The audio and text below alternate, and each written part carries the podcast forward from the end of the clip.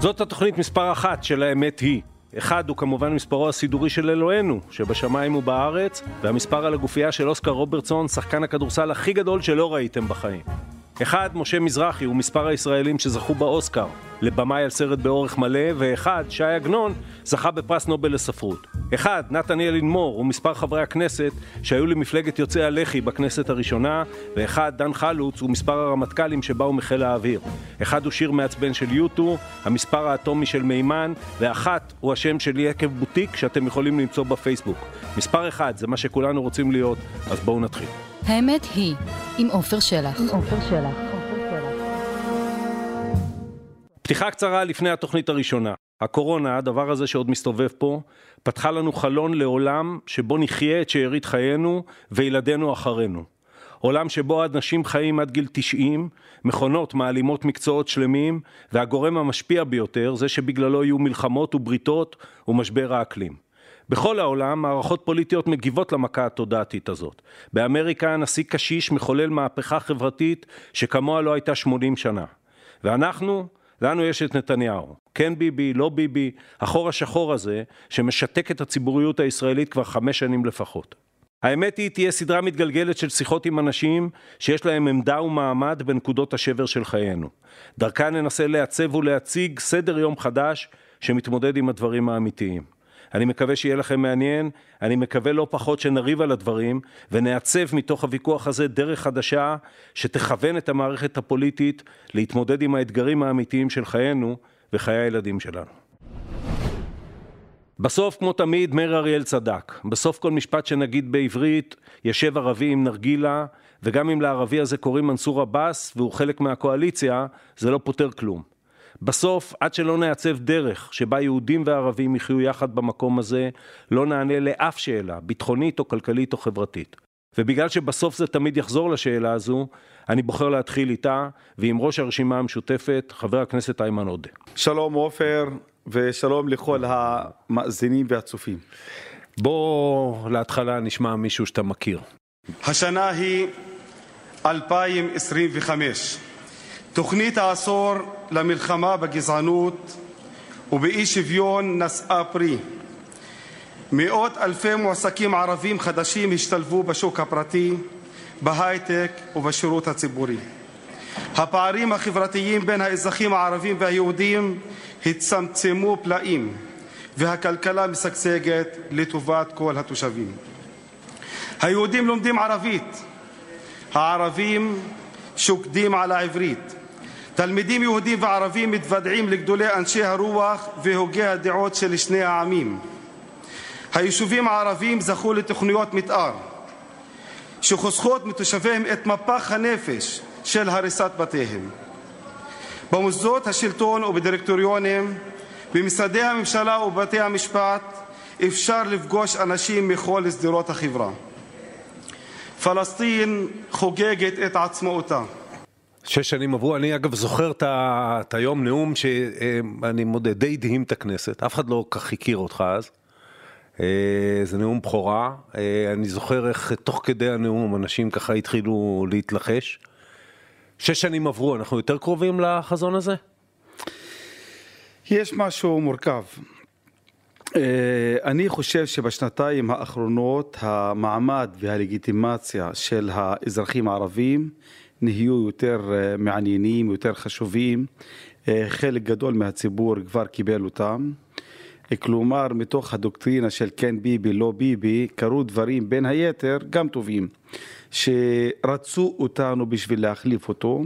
אני הרגשתי זה במשך השנתיים האחרונות. בקשר להשתלבות אזרחים ערבים במקומות עבודה, תראה, אני בעירי חיפה, מהבית שלי מסתכל על בית חולים רמב"ם, 31 אחוז מהרופאים הם ערבים. יש שם השתלבות של יהודים. כמו שאחמד טיבי אומר על נבחרת ישראל בכדורגל, אני עוד מרוצה, מאוד מרוצה מההשתלבות של היהודים. כן, בנבחרת, כן. בבית חולים בני ציון יש 15 מחלקות, 8 מחלקות עומד בראשם ערבי. אה, מסתכל... אבל בוא נעלה קומה, איימן, בוא, בוא בשיחה לא, הזו נעלה קומה. לא, כי אני דיברתי. על כן, השתלבות, אבל, כן. אבל אין ספק שמבחינה המדינית זה רחוק, ואין ספק שזה יותר מורכב, יותר קשה, אבל צריכים להמשיך בדרך הזו. אני רוצה לדבר איתך היום, בוודאי פוליטיקה ישירה, אני רוצה לדבר על, באמת על חזון ועל דרך, אבל אני, הזכרת את אה, השנתיים האחרונות. ואתה יודע אה, איפה אני הייתי בשנתיים האלה, וניהלתי משאים ומתנים המשותפת, נלחמתי בשביל זה שהייצוג הערבי, בסוף מי שהביא אותו לבמה זה בנימין נתניהו, לקוניונקטורה מאוד ספציפית. אה, וה... ונשאלת השאלה, כשאתה מסתכל על זה, האם זה לא נשאר במקום הזה? זאת אומרת, האם בסוף, כן, שני הצדדים במפה היהודית באים ואומרים, אה, אה, כדי לנצח אנחנו מוכנים להיעזר בקול הערבי, אבל אנחנו, האם הם באמת נותנים לו לגיטימיות? שני דברים, אחד, לזכותך, אתה הובלת את זה מתוך תפיסה, לדעתי, ערכית, דמוקרטית. הדבר השני, אנחנו רוצים פה, אני ברשותך רוצה לגלות סוד אישי גם בינינו. לפני כשנתיים באתי אליך, אני עם אה, אה, מזכיר חדש ומזכ"ל המפלגה, אליך הביתה. נכון. וזה היה ביקור בסתר, שאף אחד לא צריך לדעת שאנחנו מנהלים מין משא ומתן. היום זה אחרת לגמרי. אתה זוכר, בזמנו אני אמרתי לך, הנה הגיעו אליך קסדת הטמאים של הודו, שאף אחד אסור לו לנגוע בהם. והיום כולם יודעים שדיברנו, מדברים, וזה נהיה יותר לגיטימי. איפה היינו ואיפה אנחנו עכשיו?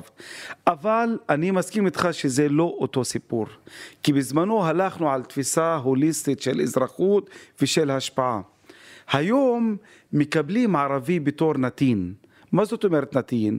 יש אה, קבוצה, אני מתכוון לרע"מ, אומרת אני שמה הצידה את כל הסוגיות הפוליטיות, אפילו הדמוקרטיות. לא מעניין אותי מי יהיה בבית המשפט העליון, לא מעניין אותי מרחב דמוקרטי, לא מעניין אותי כלום. אני, אני חושב שתפיסה כזו מתאימה יותר לנתינים ולא לאזרחים.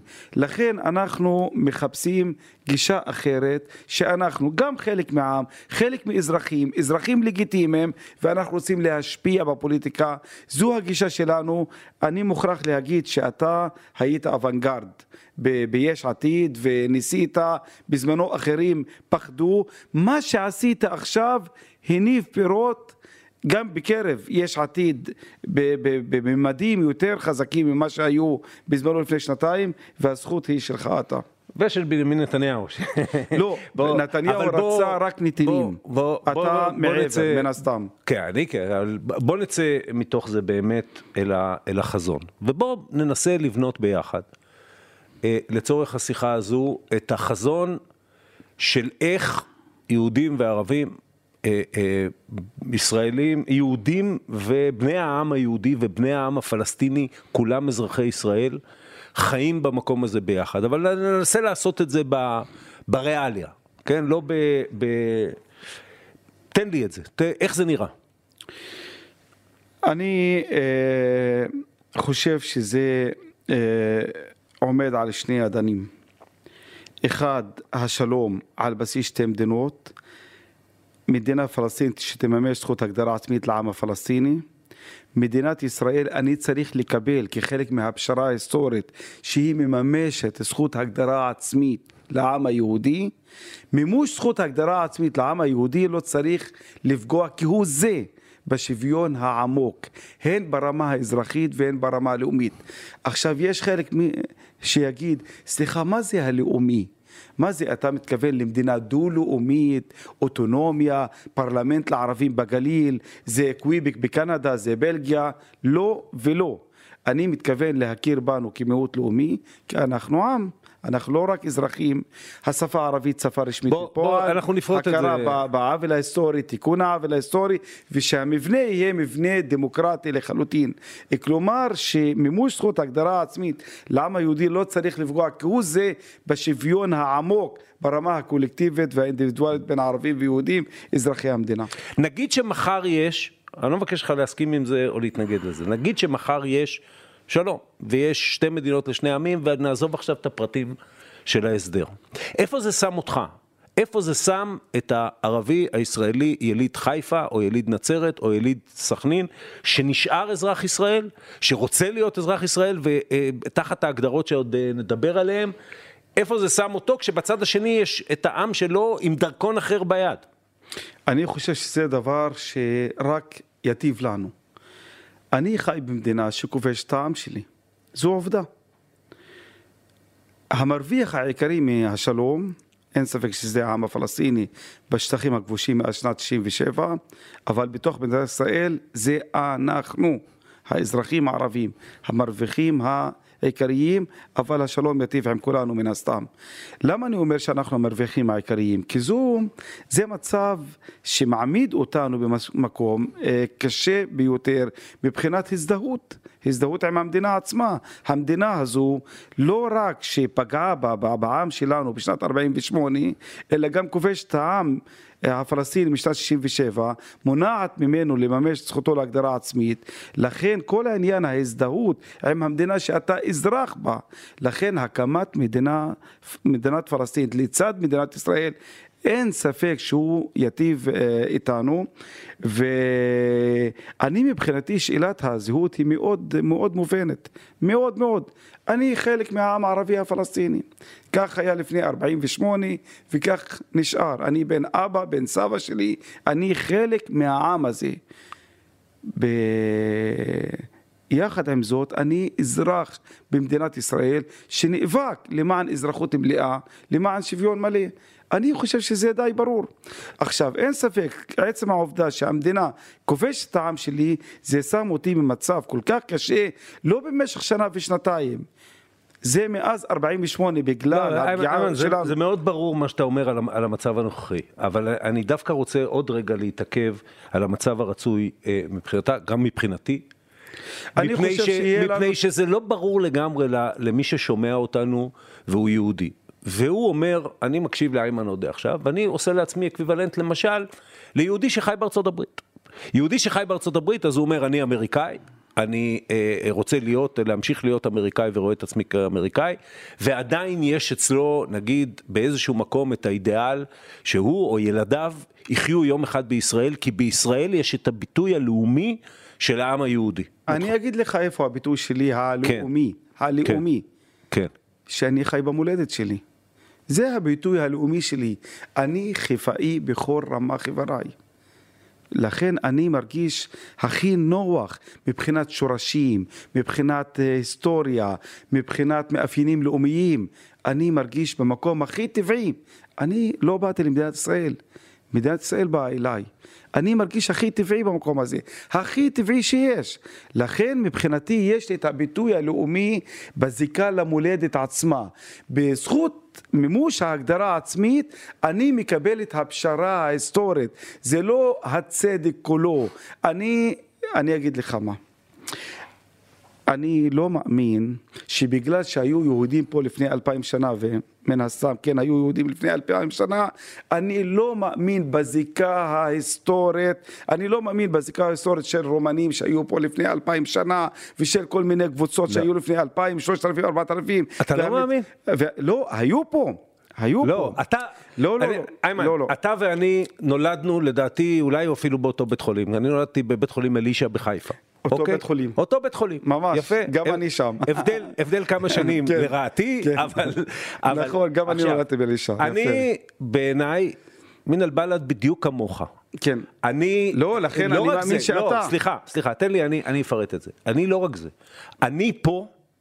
אה, אה, אה, הוריי נולדו בארץ, אבל סבי וסבתי משני הצדדים עלו מאירופה. הם עלו מפני שזה המקום, מפני שזה העריסה שבה נולד העם היהודי.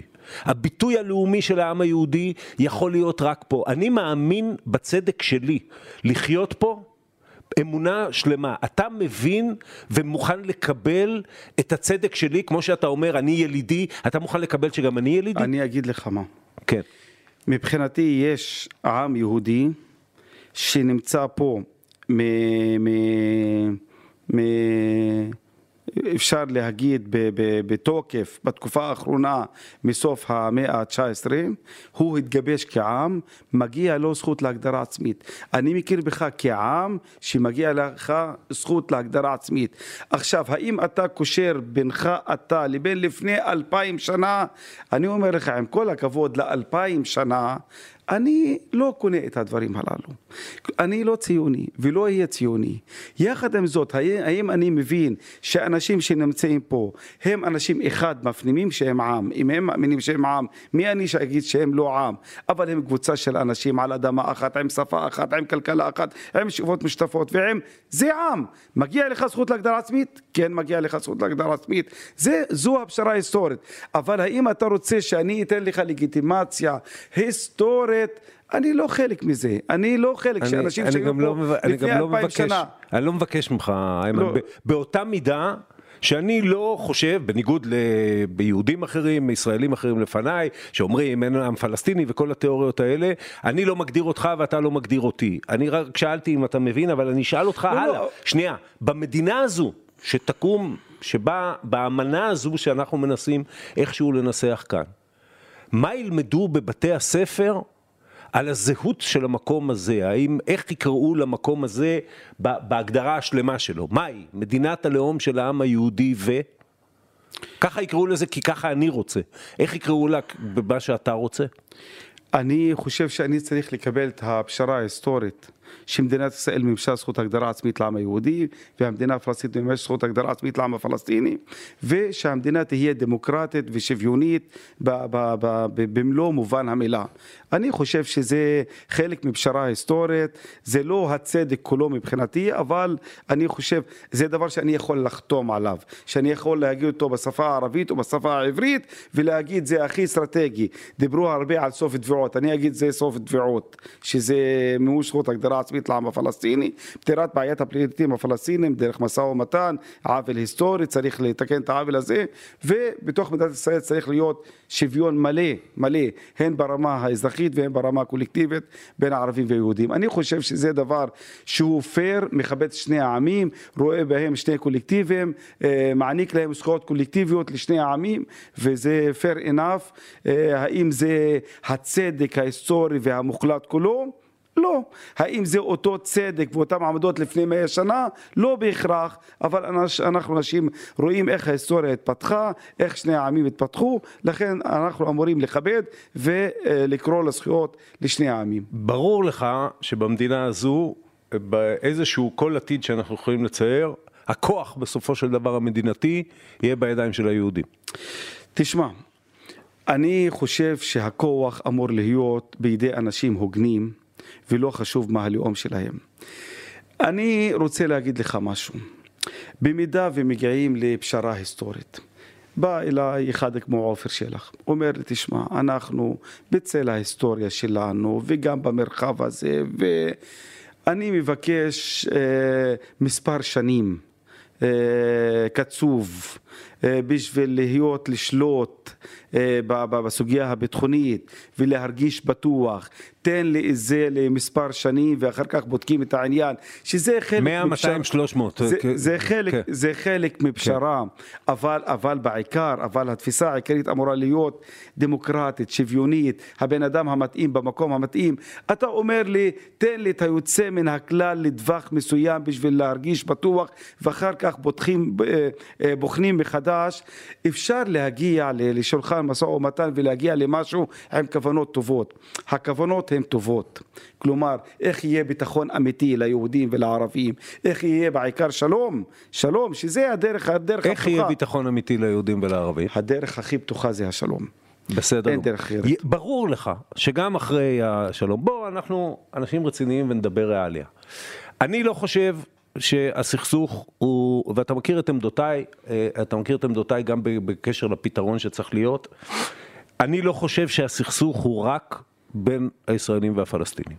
הסכסוך הוא, שורשיו הם בהחלט נעוצים בין השאר בזה שעולם ערבי, אולי אפילו עולם מוסלמי שלם, לא יקבל אף פעם באופן עמוק את הישות היהודית ואת הלאומיות, בבית הלאומי של היהודים פה בארץ ישראל. ואי לכך, אני מאמין שהכוח צריך להיות אצלי, ושה, ושחלק, אתה מדבר על הפשרה, כן, הפשרה צריכה לכלול את זה שהכוח צריך להיות אצלי. כי אני מגן על עצמי לא מפניך. לא מאיימן עודה מחיפה, אגב, סיפרת סיפור נפלא ב, באותו נאום על איך בגיל 15 פעם ראשונה לקחו אותך לחקירה בשב"כ ובהתחלה חשבת שזה אות של כבוד, אז אני לא רוצה ממשל צבאי ואני לא רוצה, ואני רוצה צדק, לא רק שוויון, אני רוצה גם צדק לאזרחים הערבים, ועדיין זה לא השואה וזה לא, זה, זה, זה, זה אה, צורך אמיתי כדי שנחיה בשלום, שהכוח יהיה אצלי. אה, עופר, אני רוצה להגיד לך איך אני רואה את העמים. כן. אני מדמיין לעצמי שני צרפתים באנדרגראונד בפריס, שנת 1944. הרייך עובר מעל פריס. ואחד מספר לרעהו שבעוד שבע שנים נקים שוק אירופאי משותף עם גרמניה.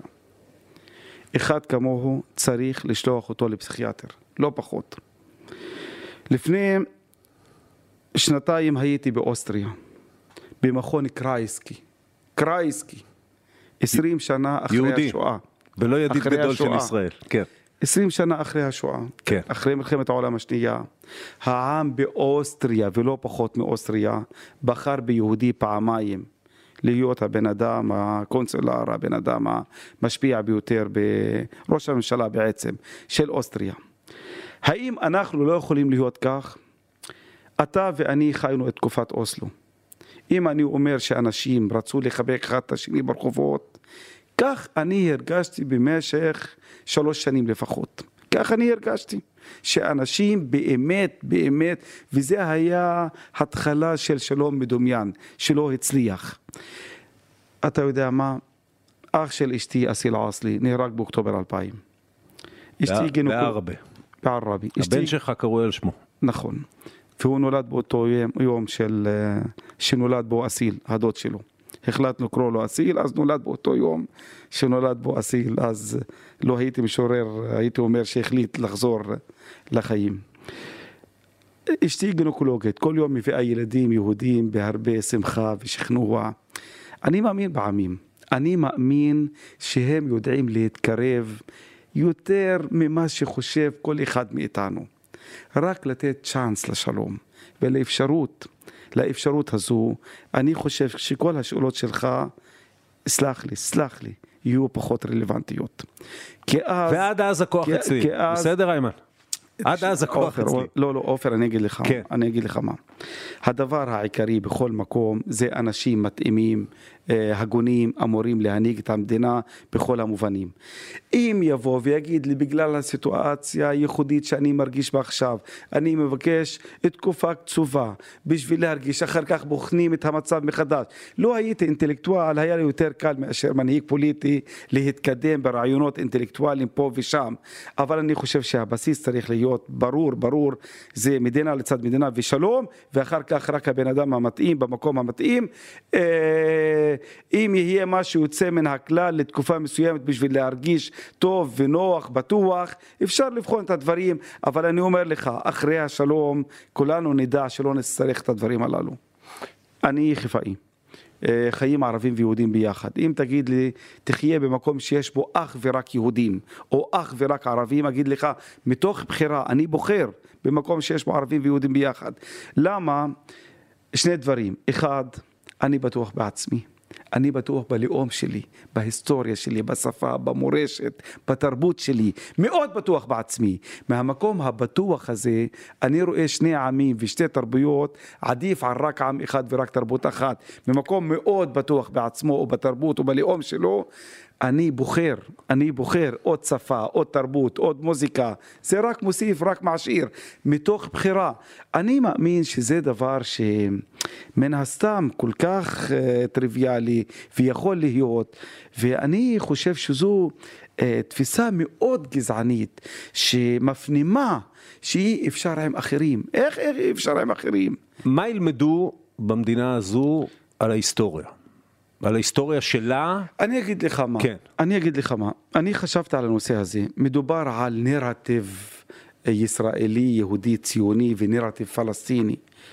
אני חושב שאנחנו צריכים לחפש נרטיב אמיתי. למשל, בואו נגיד למשל על הנכבה למשל. מי ביצע הנכבה?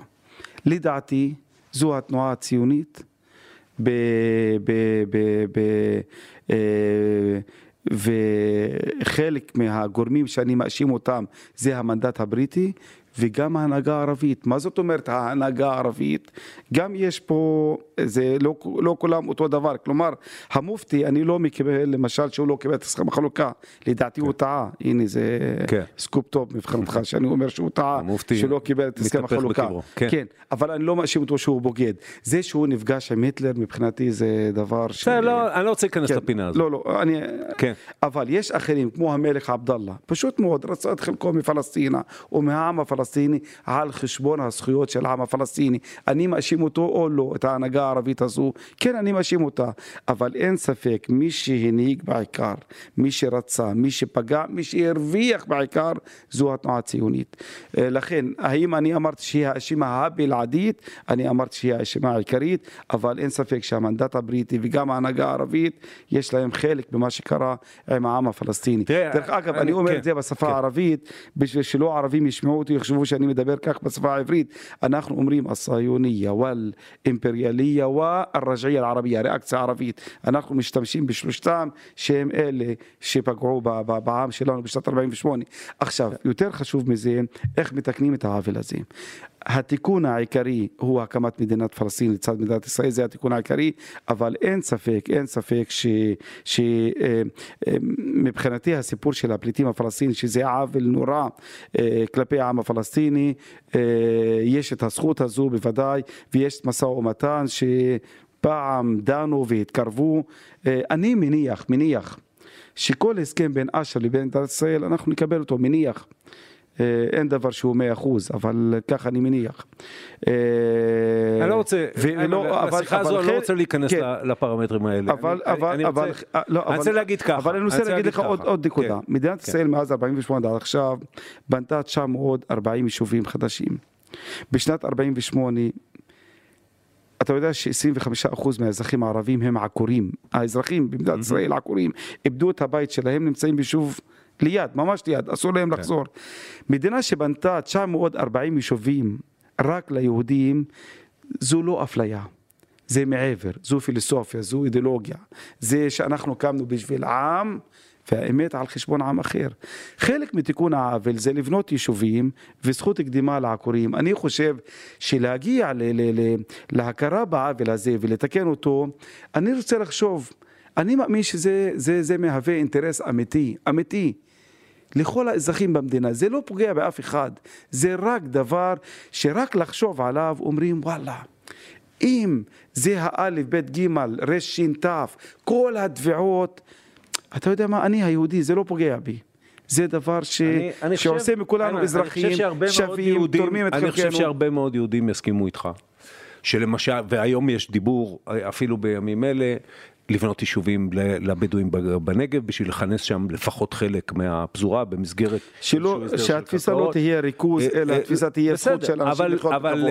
ושצריך לעשות אה, ושצריך לבנות להקים עיר ערבית ושצריך וצריך לפתור בכלל את בעיית הדיור הקשה מאוד כן. בתוך היישובים הערבים שגם אין להם, אין להם תוכניות מתאר. ו-50 אחוז משותפים. אין להם תוכניות מתאר וכן הלאה והלאה. ואני לא פוחד לחלוטין מלימוד ה- ה- כ- כחלק מזה שאני חושב שאזרח בן חורין עם תודעה יהודית, אזרח יהודי, עם תודעה יהודית, הוא גם אזרח אה, משכיל ויודע ומכיר שיש אה, נרטיב אחר לגבי זה. אגב, כידוע לך ולי, רוב או חלק גדול מהספרים שלפחות הופיעו בארץ על אה, אה, 48 ועל תופעות קשות שהיו ב-48, נכתבו על ידי היסטוריונים יהודים. בטח. וזה, ו, ב... ונידונו.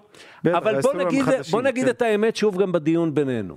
אז אני לא פוחד מזה שילמדו את אה, אה, אה, הנרטיב הפלסטיני של הנכבה בבתי הספר. אני חושב שזה זה, אה, לא, לא יפגע באף ילד יהודי. אני באמת חותר שכולנו כן. נלמד את הנרטיב. אבל, אבל... את הנרטיב האמיתי כמה שאפשר. למה? כי בהיסטוריה לא אין אמיתי במאה אחוז. נכון, יש כל מיני... יש נרטיב. אבל בכל בעצם זאת, העובדה שאתה אומר בכל שזה זאת. אני חושב שאפשר לקרב, אפשר כן. לשכנע בנרטיבים, אה, לחתור לאמת. אבל אתה יודע, לחתור לאמת איימן- זו אמורה להיות אה, הכוונה שלנו, לחתור איימן, אתה לאמת. יודע טוב שזה לא מתחיל שם. לא ב-47 ולא ב-48. והוויכוח על הנרטיבים, אם אתה רוצה, הוא יכול להתחיל עוד קודם, אבל הוא מתחיל מ-1917. מה זו על צרת בלפור? יש ויכוח בינינו לביניכם. בטח. אה, אה, ב- ו- והאם תשמע, ב- במובן הזה... תשמע, כן, בלפור דיבר כן. על בית לאומי ליהודים, נכון. ועל... ב- בפלסטין. בפלסטין ועל מקומיים שיש להם זכויות אזרחיות ודתיות. כן. למה אני אומר לך אנחנו צריכים לחתור לאמת? כי זה חלק מהחתירה לאמת. להגיד סליחה, עם כל הכבוד, אנחנו לא באים לפה בשביל להגיד בואו נחיה ביחד במקום שוויוני עם, עם, עם זכויות קולקטיביות, קולקטיביות וזכויות לכולנו. לא, אנחנו באים לבית לאומי ליהודים ואתם זכויות אזרחיות ודתיות. מה? למה? מה, אני לא עם? מה, אלה זכויות לאומיות? למה? אני, לחתור לאמת, גם בהיסטוריה, בנרטיב, הכוונה היא, באמת הכוונה צריכה להיות לחתור לאמת. אוקיי, וכמה בוא- שאפשר. בוא בנקודה הזאת כי האמת נעצור, הוא לא מוחלט. נעצור ונשמע את חבר הכנסת איימן עודה, הפעם בטונים אחרים לגמרי. בבקשה. 94 אזרחים ערבים נהרגו השנה הזו 94 מהשכנים שלי, מהאחים שלי נהרגו השנה הזו ופה יש משטרה שמצליחה לעשות מצליחה כשהיא רוצה מה אתם לא יודעים מה השמות של ארגוני הפשע המאורגן? אנחנו הרשימה המשותפת קוראים לכם להיכנס באבא של אבא שלהם, לכסח להם את הפרצוף, תכסחו את הפרצוף של ארגוני הפשע המאורגן. זה מה שאנחנו רוצים. הכאב הוא, הזעתי. הכאב הוא ברור לגמרי, הוא מובן לגמרי. אה, האמירה שהמשטרה צריכה לקחת עליה אחריות ולפעול אחרת היא בוודאי ברורה, כל אזרח צריך לצפות לזה. אבל בוא שוב נגיד את האמת בשיח בינינו. מה חלקו? זאת אומרת להגיד, אה, אני גר 500 מטר מלוד. כן, אתה ואני דיברנו ביום שנכנסת ללוד, בזמן המהומות, היית ממש קרוב לבית שלי, אפילו שאלתי אותך אם לבוא אה, להיכנס יחד איתך. אה, בלוד יורים כל ערב, אני גר שם 30 שנה, לפחות 20. אתה יכול להגיד, כמו שאמר ראש עיריית לוד, הושיבו פה שב"חים והשב"כ שם פה ולגלגל את זה לאיזושהי קונספירציה. מה, האם מזה, ואני מנסה להיות, למרות נטייתי להיות זהיר במה שאני אומר, מה מזה והאם בזה אין משהו שטבוע, שלא מצליחים, גם אתה כמנהיג ציבור ערבי לא יכול להתגבר עליו, כי הוא של, של אה, אה, חברה שיש בה יסודות של אלימות, אני אקרא לזה ככה. חבל שאתה אומר את זה. למה? דווקא אתה עופר שלח. חבל. למה? תשמע, אני דיברתי עם פרופסור מוסטפא קבהה, שהוא המומחה הגדול בתולדות פלסטין ל... לאורך כל ההיסטוריה. שאלתי אותו האם היו, היה בהיסטוריה שלנו מספר הרוגים כמו בשנת 2020? אמר לי לאורך כל ההיסטוריה, לפני 100 שנה, 300, 500, לא היה דבר כזה. לפני 500 שנה לא היו תתי מקלעים ומטענים, זה לא, זה, רק- המספרים לא משנים אה, פה, טוב, איימן, טוב, לא אה, משנים, טוב, אני עובר ל-level אחר. כן. הגדה המערבית. כן. למה אין בה רציחות כאלה? למה אין יריות? כי יש מנגנוני ביטחון. אתה יודע מה? אנחנו, הערבים בישראל, הפסדנו את המבנה המסורתי, אבל לא הרווחנו את המדינה. טוב שהפסדנו את המבנה המסורתי, טוב מאוד.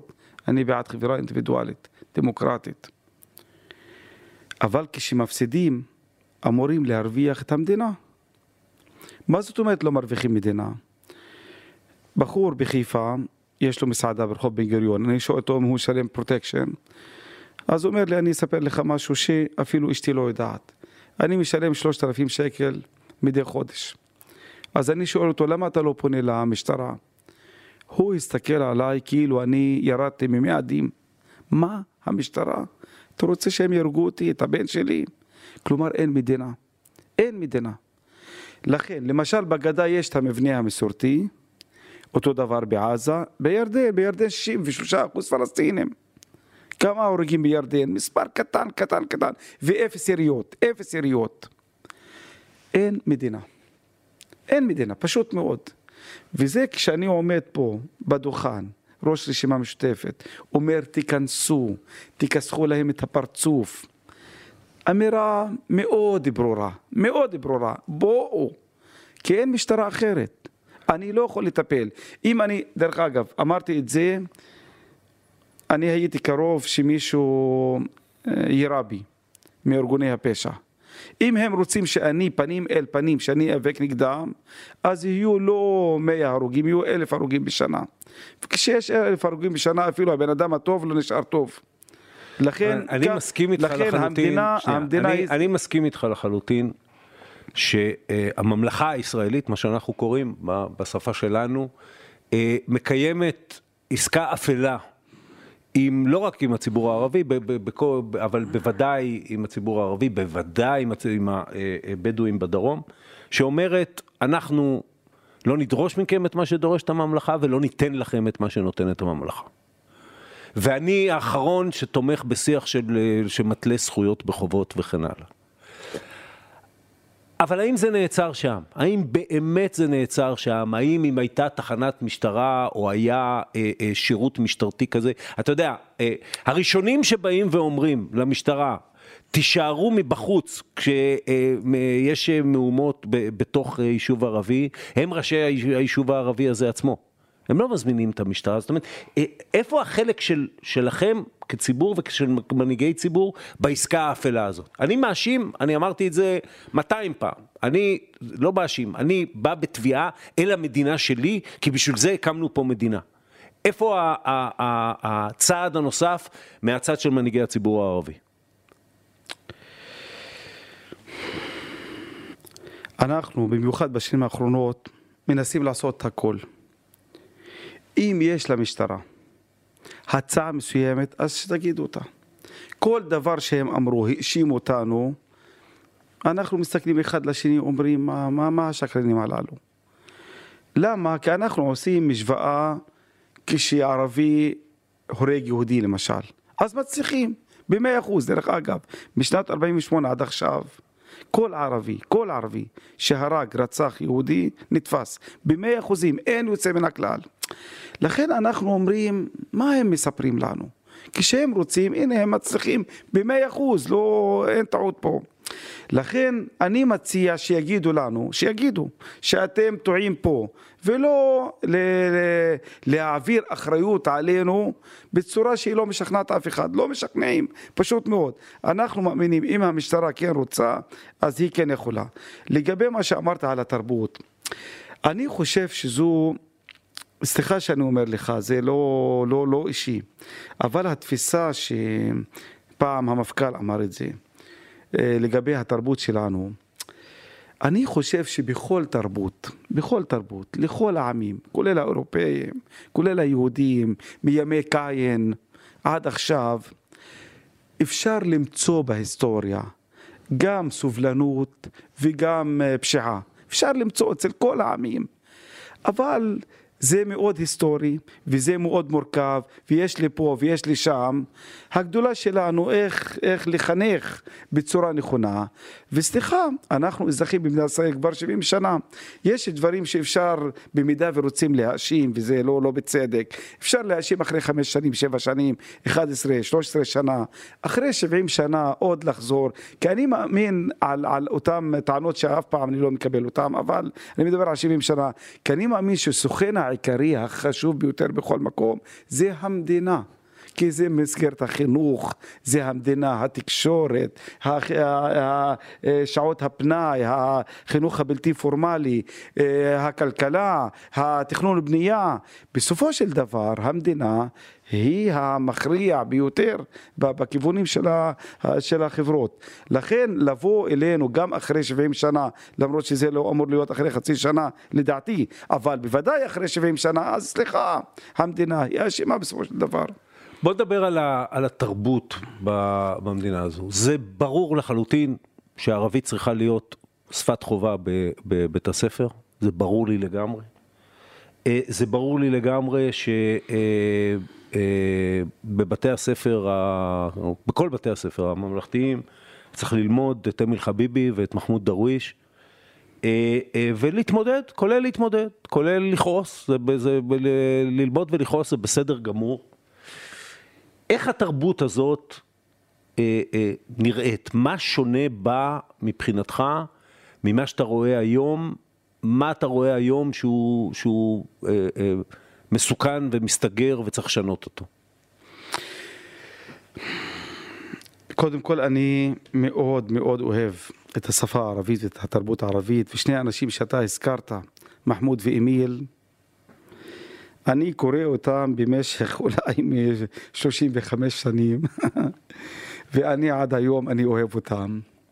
למה? אולי אני לא התקדמתי, אולי אני נשארתי באותו מקום מלפני עשרות שנים, או שהספרות האמיתית יש בה מה שנקרא משמעות המשמעות. מה זאת אומרת משמעות המשמעות? זאת אומרת, כשאתה קורא אותה פעם אחת אתה אוהב אותה, כשאתה מתעמק אתה אוהב אותה עוד יותר. או כשהמונים קוראים אותה, אוהבים אותה, כשאינטלקטואלים קוראים אותה, אוהבים אותה. לדעתי זה הייחוד בתרבות האמיתית. אה, כי זה ריפדים, זה mm-hmm. עוד לעומק ועוד לעומק, כן.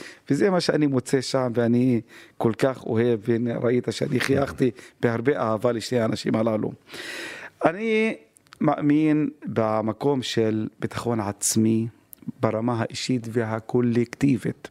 והקולקטיבית.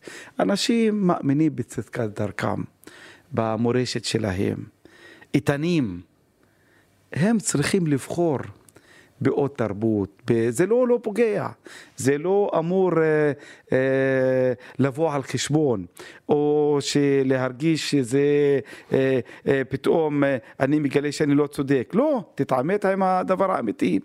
ואני חושב שלערבים בישראל, הנה התהפכו היוצרות, שהיהודים שהיו מיעוט בכל מקום בעולם, הם רוב, ואנחנו מיעוט, ופתאום זה סבתא שלך שידעה חמש ושש שפות, היהודים יודעים עברית ובקושי אנגלית, והערבים מן הסתם יודעים שתי שפות, וחלק גדול מאוד יודע את השפה השלישית ואת השפה הרביעית גם, בהיותנו מיעוט.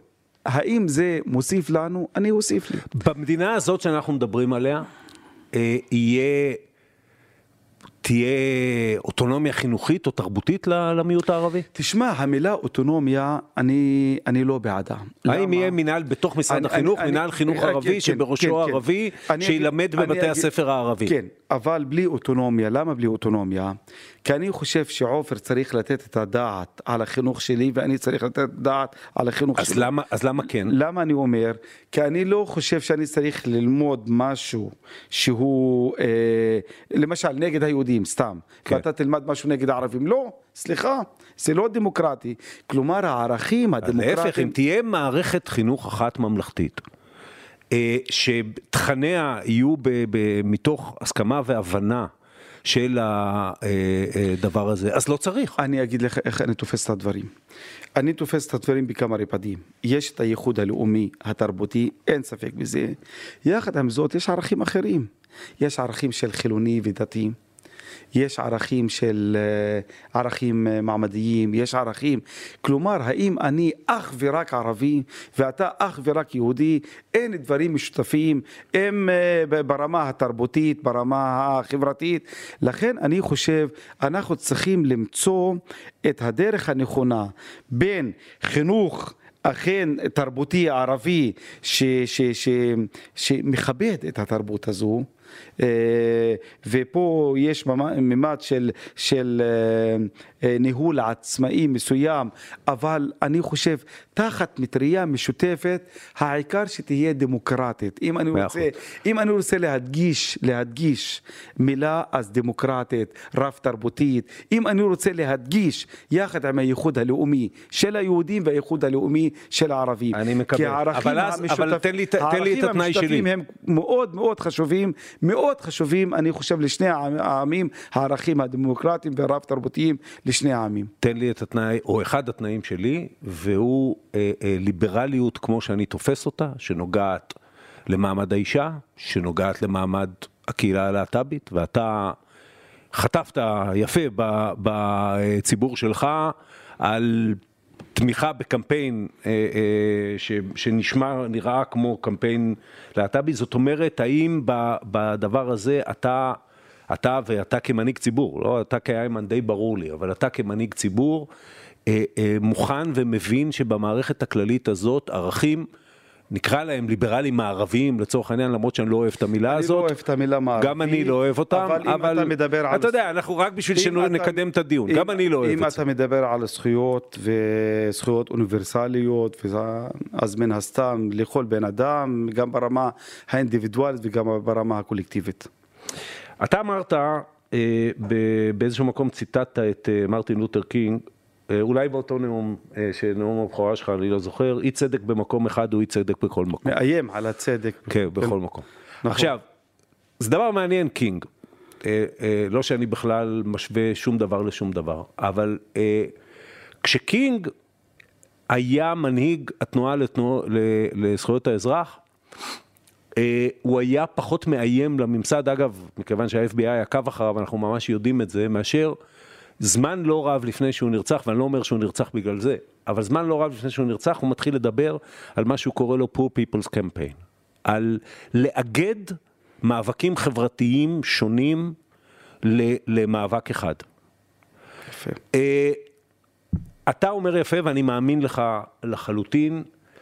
אה, באיזשהו מקום המאבק הערבי והפוליטיקה הערבית לא מקבלת, לא מקבלת לתוכה או לא מייצגת את המאבק בכל מקום. היא, היא דורשת להמשיך להיות המאבק של המיעוט הערבי. זה, זה כך. קודם כל, בקשר למרטין לותר קינג, יש מרטין לותר קינג האמיתי, ויש מרטין לותר קינג שבנה אותו הממסד האמריקאי אחרי שהוא נפטר. כלומר בנו אותו מחדש בשביל שיהיה קצת יותר עדין, יותר מקובל, אה, עשו ממנו יותר moderate, יותר אה, מתון ממה שהוא היה באמת, אבל אני מסכים איתך לגבי התהליכים שעבר, בין היתר חיבור בין, בין מאבקים שונים. אה, זו הדרך שלי. אני בשנת 2011 הייתה המחאה החברתית. ישנתי בשדרות רוטשילד מספר ימים בתוך אוהל. אז היה ויכוח קשה בקרב האוכלוסייה הערבית. מה הקשר? זה מעמד ביניים ישראלי, אנחנו בכפרים אה, חיים אה, במקומות אה, מוזנחים בצדק, והפקעו לנו את האדמות, אי אפשר לבנות, זה סיפור אחר לגמרי. מה אני חשבתי? אני חשבתי שאחד צריך לחבר, שתיים, במקום השיח הלאומי-ביטחוני שיהיה שיח חברתי אזרחי, להעביר את השיח למקום אחר שממנו אפשר להשחיל, כלומר להיות שם ולהגיד להם, להגיד לדפנה ליף, להגיד לאיציק שמולי שהיה בזמנו במאבק, בואו נשחיל את הכפרים הבלתי מוכרים במאבק הזה. אז גם בנאומים שאני הצלחתי להביא גם ערבים שנאמו בכיכר רבין פה ושם, בואו תשחילו את הכפרים הבלתי מוכרים, בואו אה, בניית יישובים ערבים חדשים, והצלחנו, זה לא, הצלחנו ברמה של הדיסקורס, ברמה של השיח, לא ברמה של ה... אבל לא כן. ראית את, ה, את הפוליטיקאי, בהכללה גסה, את הפוליטיקאי הערבי מאמץ את, ה, את המאבק החברתי, אני אקרא לזה במרכאות היהודי. אני אגיד כן? לך מה, למשל הפגיעה באתיופים, כן. אם זה כן. סלומון טקה, אם זה כל מיני מאבקים. כן. אחד מהמאבקים הראשונים שהצטרפתי אליו כשנכנס לכנסת בשנת 2015, שבוע אחרי הבחירות, זה היה להיות עם האתיופים באיילון. וגם כשנהרג סולומון טקה הייתי איתם מספר פעמים והרמתי את התמונה שלו גם. אני חושב שזה מאבק של אנשים עם מוגבלות, עם כל מיני קבוצות. אני מסכים, אני מסכים איתך רעיונית לגמרי, מבחינת מה צריך לעשות, אין ספק, אין ספק שצריך להרים את זה כפרויקט, ממש אה, אה, פרויקט שהוא אה, אה, משלב בין כולם ביחד למען מדינה דמוקרטית שוויונית. אני חושב שזה דבר מעולה, ואני, אה, מבחינתי זה דבר ב-DNA של האידיאולוגיה שלי, ואתה צודק לגמרי. זה נעשה, אבל זה צריך להיות, להיות יותר שיטתי. מתי כל זה יקרה, איימן? עכשיו. עכשיו. עכשיו. אני חושב עם הרכבת הממשלה יש לנו עכשיו אופק של מספר חודשים לבנות uh, דברים שאנחנו מאמינים בהם. מאוד רציתי בשנה שעברה, אבל באה הקורונה וחיסלה את הכל במאבקים ציבוריים אמיתיים שצריך לשלב אותם. הנה, המאבק הציבורי, הדגלים השחורים נגד ביבי, בבלפור. לא, ש... ראינו, לא ראינו ערבים שם. לא, אני לא רוצה ראי. להגיד לך שאני הייתי שם אולי 20 פעם, אולי 20 פעם, ונאמתי מספר פעמים, מה לא? אבל, נאמ... אבל במניינו מוניו, תראה, יש שוב, לי חבר, אני, יש אני, לי חבר, אני יודע, עשית עכשיו תנועה ביד, יש לי חבר ששמו עופר כן, שלח, כן. פעם נאמתי ברבין, והוא לא צירף, ברבין אלא במוזיאון. יכול להיות, אז הוא צילם שלושה רמטכ"לים מסתכלים עליי. זה נכון, אבל אתה, אתה זוכר את השיח שהיה בינינו אה, לפני ההפגנה ההיא, רק למי שאנחנו כאילו מדברים בינינו ברמזים, ההפגנה הגדולה נגד השחיתות שהייתה בכיכר המוזיאון. אין לי נגד שחיתות, אני לא אומר רק ערבים. ובשיח בינינו, אני מרשה לעצמי להגיד, אתה נשאת שם נאום, אני אומר נאום מאוד מדויק, שבו דיברת על משמעות השחיתות, שהשחיתות פוגעת קודם כל במיעוט. ולא הזכרת את אה, העוולות האחרות שמוזכרות בדרך כלל, ואני חושב שזה היה, היה מסר מאוד חזק. זאת אומרת, זה היה מסר לציבור יהודי שהנה המאבק הזה איננו רק יהודי ומנהיג ערבי, ראש הרשימה המשותפת יכול לעמוד, ולא מרגיש צורך, לא כי זה לא חשוב, זה חשוב גם לי, אבל לא מרגיש שזה צורך להזכיר לא את הנכבה ולא את הכיבוש בדבר הזה, וזה היה מסר, אני מניח, גם לציבור שלך, הבעיה של הציבור הכללי היא גם הבעיה שלנו. אה, בוא נודה שזה היה יותר יוצא מהכלל מאשר הכלל. אני אגיד לך, עופר, אה, יש דברים שיש בהם טקטיקה מסוימת, אבל לא טקטיקה של אנשים שחושבים על עוד עז ועוד דונם ומסתירים משהו, לא, לא, לא, חלילה. אבל זו טקטיקה בשביל אה, שיקבלו אותך, בשביל שתצליח להעביר מסרים יותר עבים. כלומר בהפגנה השלישית שהשתתפתי, יחד עם אפילו רמטכ"לים, אה, זה למען הדמוקרטיה. אז אני אמרתי להם, אין דמוקרטיה עם כיבוש עם אחר. אין דמוקרטיה בלי שוויון. אין דמוקרטיה בלי צדק חברתי לתפיסתי החברתית, אוקיי?